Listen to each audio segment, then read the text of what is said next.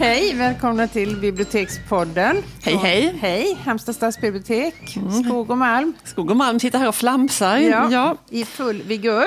Absolut. Eh, vi har en eh, tradition här på biblioteket som går av stapeln varje höst och varje vår. Som börjar bli ganska mångårig nu, mm. i alla fall tre, fyra år tillbaka.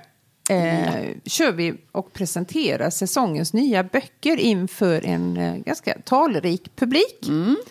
Och nu har vi nyss haft vårens böcker 2017. Och då tänkte vi att det här kan ju vara fler som inte har möjlighet att komma som faktiskt är intresserade av. Och då ska det sägas att det vi gör, både under presentationerna naturligtvis är ett axplock, för det kommer ju så himla mycket nya böcker. Men vi tar det som vi tycker är bra och som vi har hunnit läsa. Mm. Och det här blir ytterligare en liten nedkokning av det programmet. Eftersom ja. vi då själva inte har läst alla böckerna. Nej. Men en del har vi läst och en del har vi hört våra kollegor prata om. Så det här blir lite spridda skurar ifrån vårens böcker 2017. Och då ska vi säga också att vi har delat in det i olika teman för att göra någon form av eh, överblick på det. Mm. Och vårens tema heter då, det första är relationer. Hur mår du människa? Mm. Människa. Människa. Mm. Eh, kvinnor kan. Ops, ironi inom parentes för den som inte förstod det. Nej. Död, favoriter i pris, för den har vi nästan alltid. Alltid har vi med döden. Och den sista kategorin, eller temat, heter makt och förtryck. Ja, jag tycker det här året så känner jag mig väldigt nöjd med våra kategorier. Ibland har ja. de varit lite krystade sådär. Men lite i år krystade. är de helt klockrena och ja. talande. Ja, nej, ja. men det var bra böcker i år också måste ja, jag säga. det var bra alltihopa. Mm. Mm. Men du, nu du, kör vi igång. Du var inne på den här första med relationer. Hur mår mm. du människa? Ja, men då min första bok där var då Ian McEwans Nötskal. Mm. Eh, jag var mycket förtjust i. Det är en liten tunn godbit. Och den som förtalan i den här boken det är ett nästan fullgånget foster som ännu ligger kvar inuti sin mamma. Och det är ett väldigt originellt grepp mm. får man ju ändå säga. Eh, lite tänkte jag på P.C. Jersild som har skrivit en bok om en, liksom en frikopplad hjärna som ligger i något mm. vätska och guppar och blir förälskad och det händer massa saker. Men det här är ju något helt annat, det här är fostret. Um, och mamman heter Trudy och fostret förstår ju ganska snart att det är ju inte så bra det här mellan mammi och pappi för de håller på att separera och det är Trudy som vill det. Problemet mm. är då att det är pappan som står för fiolerna för han har ganska goda tillgångar och framförallt så står han som ägare till det fina huset i de bättre kvarteren i London där de bor. Eh, annars är han en väldigt tråkig poet och han har ett litet bokförlag som men går... är han så tråkig? Ja, men han framställs lite jämfört med hon är ju ute efter något annat. Hon vill ju ha lite flärd och glam. Ja. Och det tror hon att hon skulle kunna få via, via poetens bror. Så hon har alltså en relation med sin svåger. Han är en sliskig mäklare. Ja. Nej, men han, verkar ju, han framställs ju inte i någon god dager. Absolut av inte. Väldigt liksom, oklar moral kan man väl säga. Också. Nej, men man förstår inte riktigt inte vad riktigt. det är som är grejen med honom. Men, eh, men där är en öm låga mellan de där två. Eh, och om man då kan sin Shakespeare eh, så, så känner man igen referenserna för han, Ian mm. McEwan skojar med namnen här. Mm. För det är Cloud, Claudius. Alltså svågen heter Cloud och um, Trudy, Hamlets mamma, heter ju Gertrude. Mm. Uh, och det, det, är ganska tryfferat med sådana här eh, mm. associationer och uh, associationer till Hamlet. Och känner man igen dem så tycker man att det är roligt för då känner man sig så himla smart. Och, mm. och gör man inte det så vet man ju inte om att man missar något. Så jag tycker det är Nej, det, men, Nej, men det är en rolig extra liten krydda till Precis. det hela. Ja, men så är det. Och jag tror att Ian McEwan hade roligt när han skrev att han var på gott humör. För det är liksom en, och den, mm. det är sånt drivet i själva den här. För det är ett väldigt, man vill läsa mer mm. och man mm, smackar med läpparna och tycker att det här är ja. kul och bra. Um, och det som driver själva handlingen framåt det är ju när, när Trudy och Claude beställer, bestämmer sig för att de ska mörda poeten och de tycker själva att de tänker ut ett helt vattentätt, eh, det perfekta mordet helt enkelt. Eh, det, nej, men det är roligt och rappt och, och, spännande. Och Ian McEwan han har liksom tummen på, han är väldigt samtida i den här boken. Ja. Han har liksom tummen på pulsen. Och, eh, och han känner sina människor väl, kan man ja. säga. Nej, men han är ju helt klart en favorit. Ja, det är han. Oh, ja. de är också behagligt... Eh vad kom vi överens om? Vad skulle vi använda? Var det korta eller tunna? Eller Mm, ja. om böckers Men format? korta tycker jag bättre om Korta. att säga i så fall. Ja. Men han har tydligen deklarerat det, att han, han vill inte skriva tjocka böcker. Han Nej, som ett men då är statement. han ju i en ganska eh, liten liga. För de flesta är, Ja, men all, precis, men all heder åt honom för detta. Mm. Att kunna få mycket bra saker, få till en bra historia Mm. men inte använda 600 sidor. Det tycker jag är. Det är min kille, Ian McEwan. Ja. Ha, vad hade vi mer på relationen? Ja, då? jag hade ingen alls egentligen. En kollega pratade om Mar- Martina Montelius bok Mm. som heter Ibland är man ledsen och ibland är man glad. Mm. Och som det lät på henne så kunde hon inte riktigt bestämma sig för om det var en bra eller dålig bok. För den var så oerhört märklig. Fast den har fått ganska bra recensioner Ja. Men den är nog svår att sätta in i någon genre för Ja. att den är så egenartad. Ja. Eh, och svart humor tror jag nog var det Mm. Ja, men så är det begreppet säkert. hon ja. använde Hon är väl mest. inte Kristina Lunds dotter för intet, Nej. Martina Montelius. Men du, vi hoppar till min nästa bok istället då. Ja. Eh, som var i samma kategori, Agneta Pleijels bok Doften av en man. Mm. Och då drog jag mig till minnes att förra året när biblioteket firade tioårskalas, då var Agneta Pleijel här och vi hade ett, gjorde ett poddsamtal med henne, du och jag, Jeanette. Ja, det gjorde vi. Ja, det gjorde vi. glömt. Nej, absolut inte. Det var så otroligt intressant och trevligt. Och för då var hon ju här med anledning av sin självbiografiska roman Spårdomen. Och då frågade vi henne, kommer du ihåg Jag det? vet! Ska du inte skriva en fortsättning? Ja, Ja. Nej, det var hon inte riktigt. Hon eh, ville inte riktigt outa med det. det. Nej. Men det gjorde hon i alla fall. För i den här första boken, Spårdomen, så där skriver hon om den här flickans barndom och ungdom fram till 20-årsåldern. Och i uppföljaren så handlar det nu om vuxenblivandet. Och förvisso så är det mycket doft av män och manlighet i den här boken. Men det är också doften av, av litteratur. Och den här, som jag tycker är så intressant, den här vägen till, till studier och vägen till läsande och till litteraturen. Ehm, och den vägen är ganska rak och enkel för den här huvudpersonen. Hon läser Gunnar Björling och Ekelöf och T.S. Eliot. Och hon, blir väldigt, hon får väldigt mycket uppmuntran i sina studier. Hon blir uppmanad att doktorera. Hon pluggar i Göteborg. Ehm, Um, jo men som sagt, det, det går bra med studierna och läsandet men det är svårare med, eh, med vuxenblivandet, att bli en hel kvinna och hantera kroppens längtan och kärleksrelationer och förhållande till män. Alltså hon skriver jätte, jättefint om hur svårt det är och, och jätteintressant om att hon, när hon upptäcker att hon har gått ut i världen ifrån sitt hem och ändå tänkt att hon var lika mycket värd som männen. För det har hon i alla fall fått med sig. Och så upptäcker hon att så är det ju inte alls. Eh, Det männen gör är viktigare, det är större, det är bättre, det är mer självklart. Män blir lyssnade på. Och det hade inte hon upp. Det kom som en nyhet för henne. Det, det blev en, ett sånt, en sån tråkig upptäckt som hon gjorde. Och hon, det skriver hon också jätte, jättefint om den här pendelrörelsen mellan att känna sig stark och kunnig och kompetent och liksom mm, ha tillvaron i sin hand. Och, och sen pendlar det tillbaka till en otrolig osäkerhet som då får näring av de här, de här tillkortakommandena när männen tar för sig på hennes bekostnad. Och jag tror att många kan känna igen sig i det här. Att, att både känna sig viktig och på gång och sen så drabbas av ruelse och touch och självförakt och allt möjligt. Och det männen ofta säger, flera män säger till henne det är att hon är liksom för stursk. Att hon är för medveten om, lite för nöjd med sig själv. Och, eh, ja, nej, men jag tycker jätte, jättemycket om eh, båda de här två böckerna av Agneta Pleijel. Um, ja, det blev- var mycket och lång, mångordigt, men jag var tvungen. Nu Ja. kan vi gå vidare. Kvinnor kan. Ja. Och då med tillägget obs, ironi. ja, det är en gammal slagdänga. Ja, det är ju helt... Det känns så fruktansvärt eh, mossigt. Elmia-mässan. Ja, 75.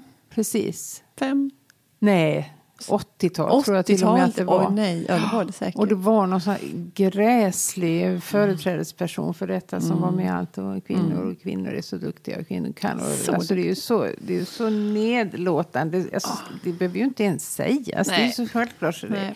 ja, vi lämnar det Ja. vi inte, innan vi får förhöjt blodtryck. Jag kände redan hur det pulserade lite Ja. här.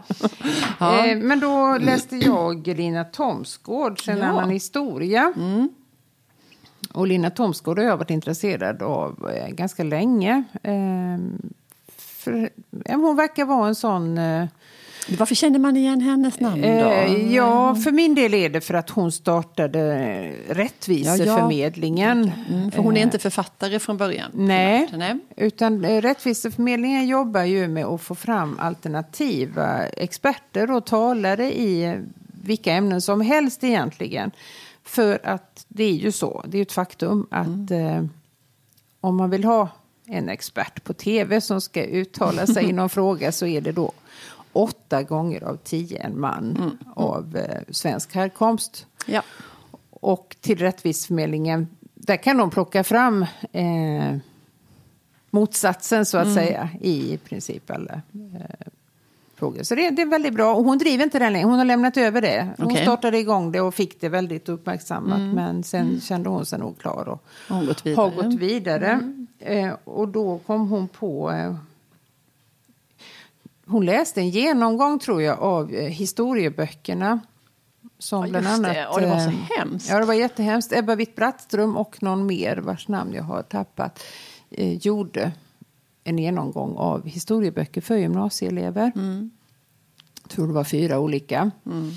Och sammanställde då eh, könsfördelningen. Och det är knappt ens en fördelning för att det är män till 80 procent. Mm. Och det var en ganska nya böcker, man tänker det Det här... var nya och det, ja, det det, de gick bakåt i tiden ganska många år. Ja. Och det har inte blivit bättre utan det har blivit det sämre med tiden. Ja, men det är så hemskt. För man, man vill ju tro att vi lever i en bättre Ja. värld och att sånt där, så var det förr i tiden. Precis.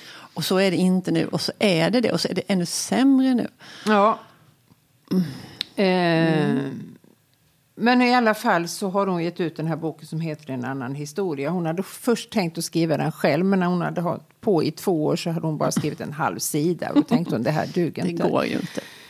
Så hon bad eh, 51 personer, eh, kända och okända, men alla är skribenter på ett eller annat vis, att lyfta fram en valfri kvinna ur historien och helt enkelt berätta vad det är hon har gjort. Så den här boken är då två, tre sidor om varje person. Och det är fantastiska berättelser som det fantastiska är ju att om dessa hade varit män så hade de haft en självklar plats Ja. i våra historieböcker. För de har gjort så storartade saker. Det Mm. är konstnärer, det är människorättsaktivister, det är matematiker. Ja, hela fältet. Mm. Så den, den tyckte jag jättemycket om. Ja, och den skulle man ju vilja ge till varje skol, klassuppsättning, Mm. till varje lärosäte.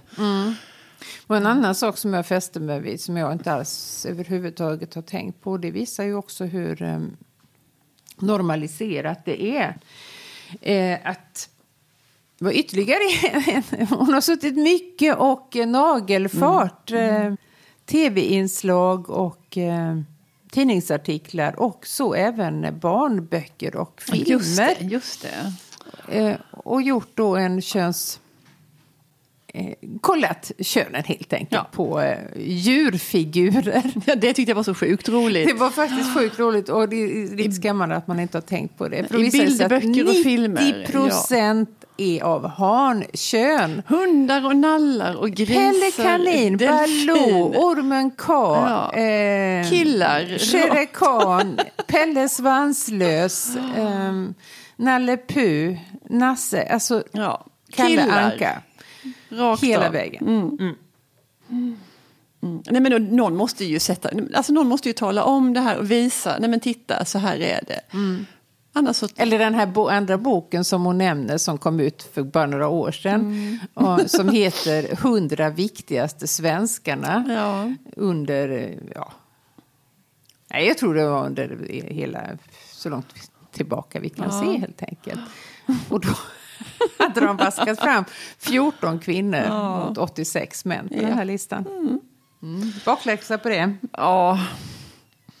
Men vi pratade också om eh, Beata Arnberg, Se på mig. Ja, jag älskar den titeln på den biografin. För mm. den handlar ju om Sara Leander. Såklart. Såklart, ja. Och det var vår, en av våra kollegor som han började med att deklamera, ja. inte sjunga bevars, men han läste den här ja. Vill ni se en stjärna? Där hon rimmar eh, förtjusa med USA. Ja, just det. det vill säga USA. Ja. ja. Nej, men det är en intressant person, Sara Leander. Jag fick jättemycket lust att läsa den mm. boken. För hon, det är ju någon man känner till lite vagt. Men varför blev hon så stor? Varför Nej. blev hon så stor i Tyskland? Och hur var det med de här? Ja. Det var ju vid tiden för andra världskriget. Mm. Och hon har ju blivit anklagad för nazistanstrykning, ja. minst Precis. sagt. Mm. Minst sagt. Ja. Fruktansvärt rik blev hon. Hon ja. drog in enorma summor. Ja, ja, Men jag blev väldigt fascinerad av hennes ja. öde. Ja, Sen läste jag eh, Birgitta Olsson, ja. Eh, Liberalens mm. bok som heter Duktiga flickors revansch. Det har kommit ganska, under ganska lång tid kommit såna här varningsböcker som handlar om prestationsprinsessor och mm. att man ska vara lagom duktig. Och man ska mm. inte, alltså, att man, om man är duktig och av kvinnligt kön så är det en diagnos nästan. Och att man, det ja. kan bara leda till utbrändhet ja. och eh, Raka ett olyckligt liv. Mm. Eh, Birgitta Olsson vänder på detta mm. och talar om att den duktiga flickan borde sättas på piedestal. För det är mm. Hon som driver samhället framåt. Mm. kan man säga kort mm. Intressant. Ja. Det är schysst att vända på det där för det har mm. blivit så liksom, skamligt och duk, liksom, duktig. Det är lite ja. nedsättande. Väldigt. mm, duktig flicka. Ja, duktig mm. flicka. Ja. Sen hade vi det här temat död. Ja. Där hade du. Där ja. hade jag, där hade jag väl då Jenny Diski, vill jag minnas. Yes, den eh, sista resan. Ja.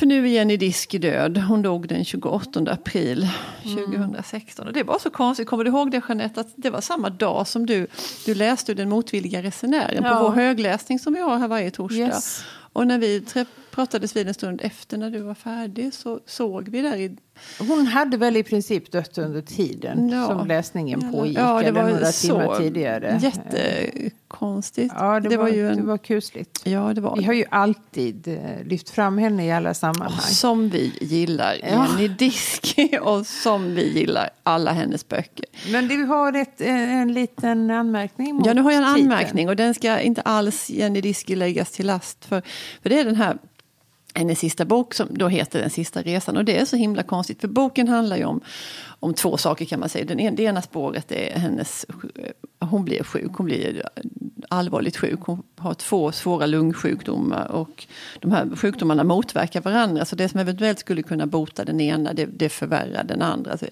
Och man vet ju, hon vet och läsaren vet att hon kommer att, att dö mm. ganska snart.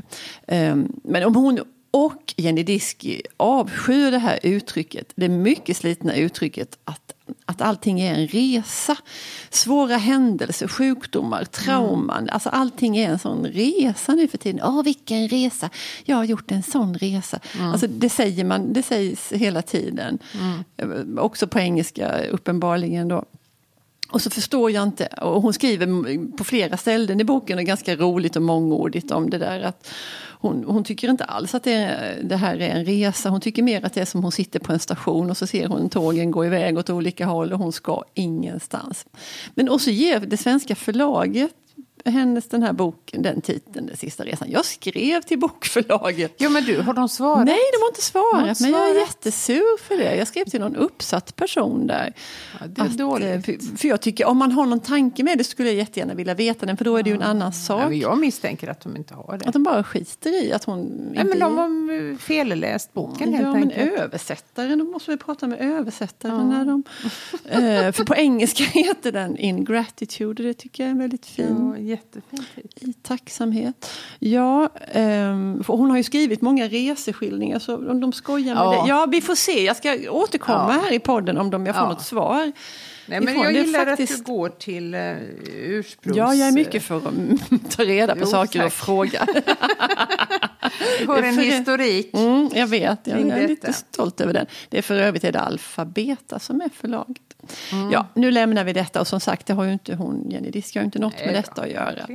Eh, nu, sjukdomsspåret och döden är det ena. Sen är det en annan. Hon, hon varvar det här med en superintressant berättelse om när hon som i sena tonåren kom att bli fosterbarn hos ingen mindre än Doris Lessing, Mm, nobelpristagaren, är författaren Doris. Lessing.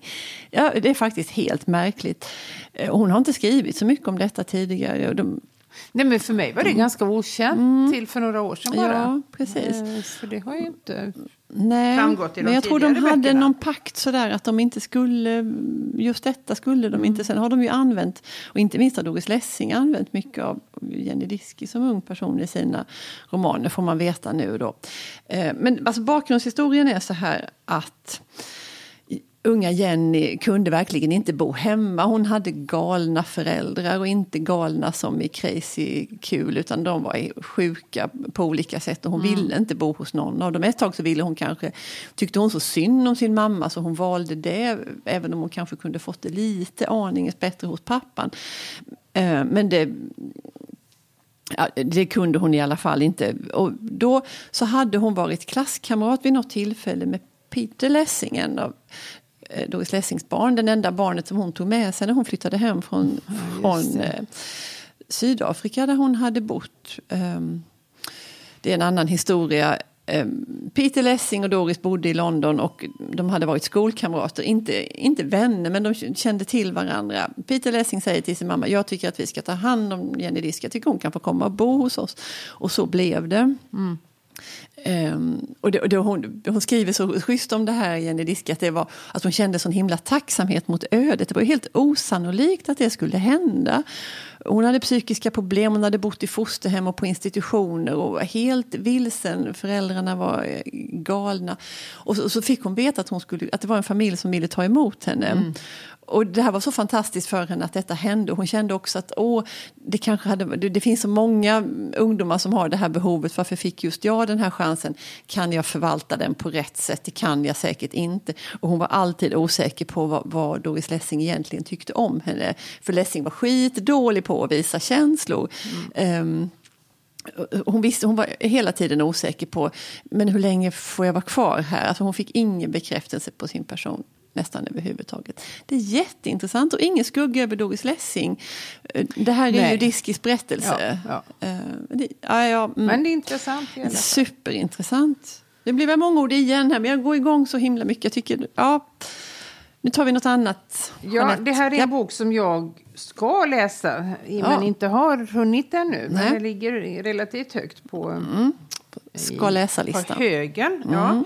Och det är Sara Paborn som har skrivit en bok som heter Blybröllop. Och anledningen till att jag vill läsa den det är att huvudpersonen är en bibliotekarie. Ja, just det. Och det, det, ju tycker kul. man ju alltid är roligt. Absolut. Eh, hon är väl i dryga 60-årsåldern och Mm. en riktigt hängiven eh, bibliotekarie ska sägas. Mm. Hon älskar sitt arbete, hon brinner för att eh, föra fram den goda litteraturen. Inte minst lyriken. Lyriken älskar hon. Ja, och ur, så fint. droppen för henne kommer när de får en ny bibliotekschef. Ja. Och han bestämmer sig för att de ska ta bort lyrikhyllan och ställa dit en karaokemaskin. Ja, Ja, ja, du förstår. ja, jag förstår. Vi förstår. Fruktansvärt. Eh, Detta får ju inte ske. Nej. Och så ni, som jag förstår det utan att ha läst den så, så förlöser detta eh, andra saker i henne. Mm. Hon är också att- en astrråkig Precis. som hon är så utled på. För han, han har hela tiden hånat henne för hennes Mm. litteraturintresse och han läser inte och det är bara trams. Så hon- han, eh, Ja, han ska få en för tidig död Ja. om hon får bestämma. Men vi får kanske återkomma till den när vi har läst Ja. den. Makt och förtryck var den sista kategorin. Ja, och eh, här har jag bara läst en bok. Men kollegan då som läste eh, Ja Agiasis bok Vända hem. Hon hade ju inte nog lovord för Nej. att beskriva den. Så fast att det var den bästa bok hon hade läst. Mm, på evigheter. Ja. Den handlade om eh, slaveri i Ghana och utspelar sig dels på 1700-talet, dels i relativ nutid. Och en väldigt eh, lärorik bok också. Att man faktiskt fick lära sig mycket om eh, slaveri och kolonialism och Ja. den tiden. Men Ja. att det är också en väldigt bra roman. Så att den får vi också ta och Ja, läsa. den är så snygg, sjukt snygg bok Väldigt tycker jag. snygg. Varje gång jag ser den på hyllan tänker jag, mm, Det måste vara Norstedts. ja, de gör vi- ja, så snygga vi gissar på det. Ja, det gör de. Ja. Sen Ja. var det Vegetarianen. Ja, den har du läst. Kang. Ja. Nej, jag har inte läst har den. inte det? Nej. Eh, jag eh, började på hennes... Det är en eh, Koreansk. ja, sydkoreansk författare.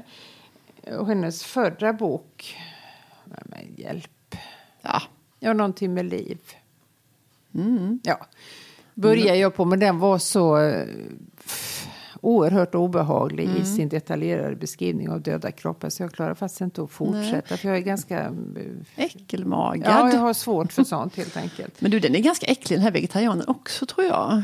Ja, men jag tror att jag klarar den med. Den ligger Ja. också hemma. Ja. Kort kan jag säga att den handlar om en eh, gift sydkoreansk, ganska ung kvinna Mm. som en dag finner att hon kan helt enkelt inte förmå sig till att äta kött längre och bestämmer sig för att bli vegetarian. Mm. Och detta väcker något så oerhört starka reaktioner i Mm. omgivningen. För hon har väl inte varit så tydlig i sina uttryck tidigare om man säger nej, så. nej, hon har ju timid. varit enligt sin kultur en eh, undergiven, ganska fåglig. Eh, men detta kan ingen få henne att rubbas ur Nej. det här beslutet. Och de tar ju till drastiska metoder kan man väl säga för att få Ja. ur henne denna nyck. Ja, jag tror att... Mm, spännande bok tror jag. Ja, Och sen så kan du väl sluta med att säga någonting om Sara Lövestam. Hon är ju din favvo. ja det är hon. Och hon, är också Eh, för, hon har varit i podden. Mm.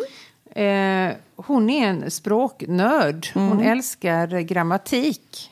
Och hon har tidigare gett ut Grejen med verb som jag pratade om en tidigare Jajamän. temakväll.